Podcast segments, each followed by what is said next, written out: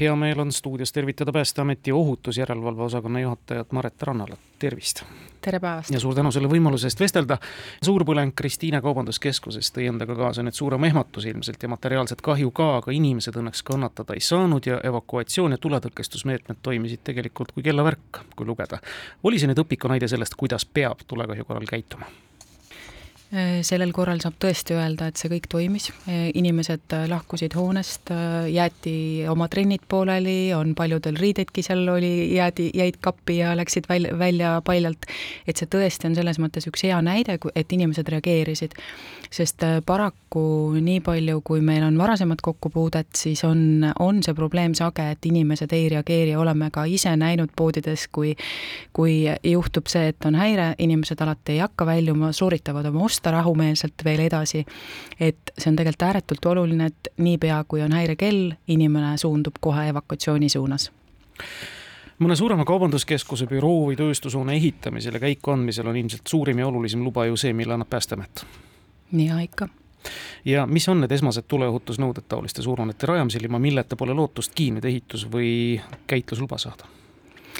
Seal loomulikult kõige olulisem või noh, ei saa öelda kõige olulisem, seal on palju olulisi nõudeid äh, ehk siis tuletõkkesektsioonid, et, et kui tuli ühest kohast äh, alguse saab, siis, äh, siis see püsiks võimalikult väikses tsoonis, et ääretult oluline, et, et, et hoonel on äh, vastavalt siis projekteerija poolt projekteeritud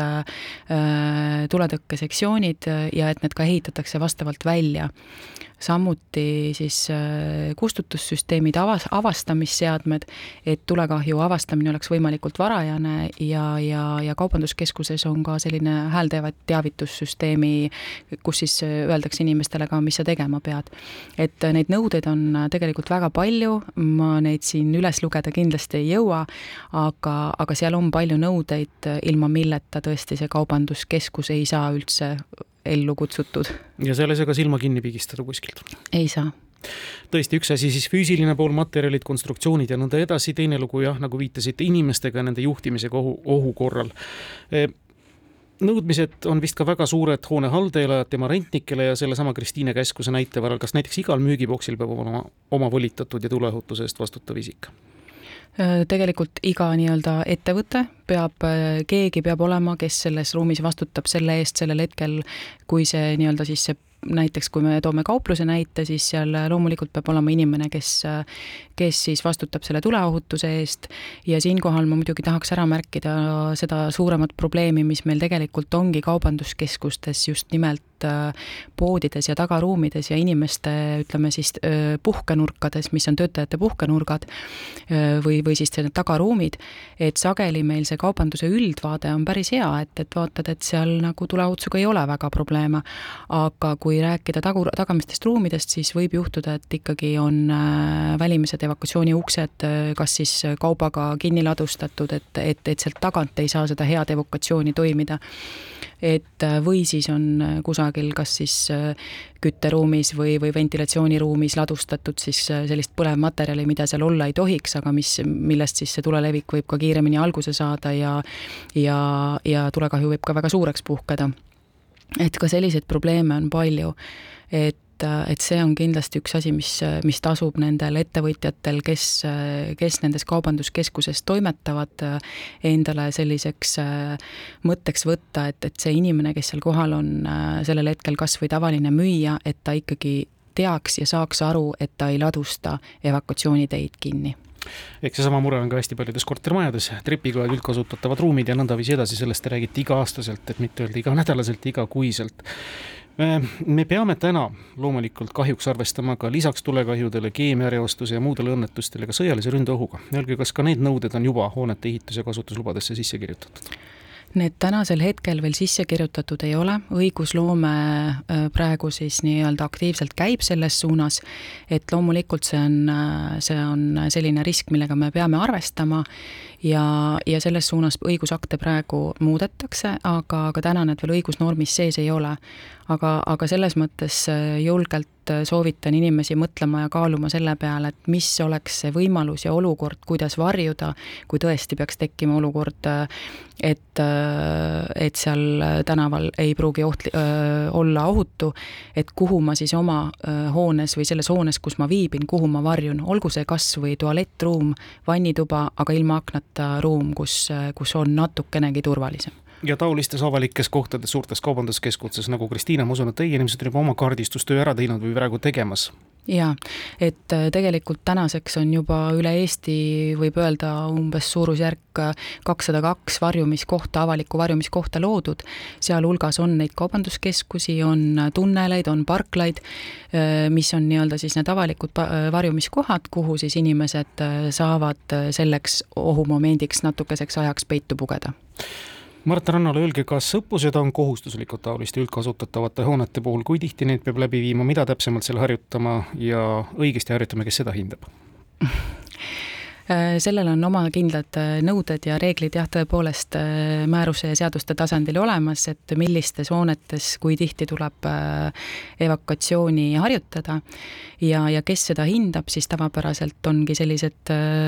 Äh, evakuatsiooni läbiviimise ettevõtjad, kes siis, äh, kes siis äh, hindavad, kuidas inimesed selles olukorras käitusid, aga see on kindlate reglementeeri-, reglementeeritud normide järgi, kuidas seda siis tehakse. aga peamine, mida siis vaadatakse, ongi, kuidas inimesed reageerivad, kas teatakse, kuhu minna, kes on see inimene, kes veel vastutab selle eest ja käib üle selle nii-öelda korruse, et kõik on tõesti välja saanud. et, et seal on palju selliseid nüansse kas lihtsalt on hirmul suured silmad, aga kuidagi hakkasid meelde tulema ja kangastuma pealkirjad üldse mitte kaugemast minevikust. eile suurpõleng Kristiine Kaubanduskeskuses, üleeile oli toostushoone põleng Sauel, eelmisel aastal lõpus põles Tartumaal Estoveri juustutehas, eelmisest aastast ka suured tulekahjud Lasnamäel autoremonditöökojas Maardus ja siis ka üks suur põleng jäätmejaamas. kas me peaksime natuke mures olema, et tuleohutus on tööstus- ja kaubanduskeskustes käest lastud? Äh, ega ei tahaks öelda, et ta käest lastud on, õnnetused ikka juhtuvad, aga neid õnnetusi saab, nende kahjusid saab hoida võimalikult minimaalsena ja, ja saab ka hoida ikkagi ära. et äh, selles mõttes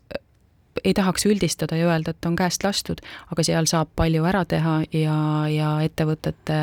omanikud saaksid äh, seda veelgi paremini teha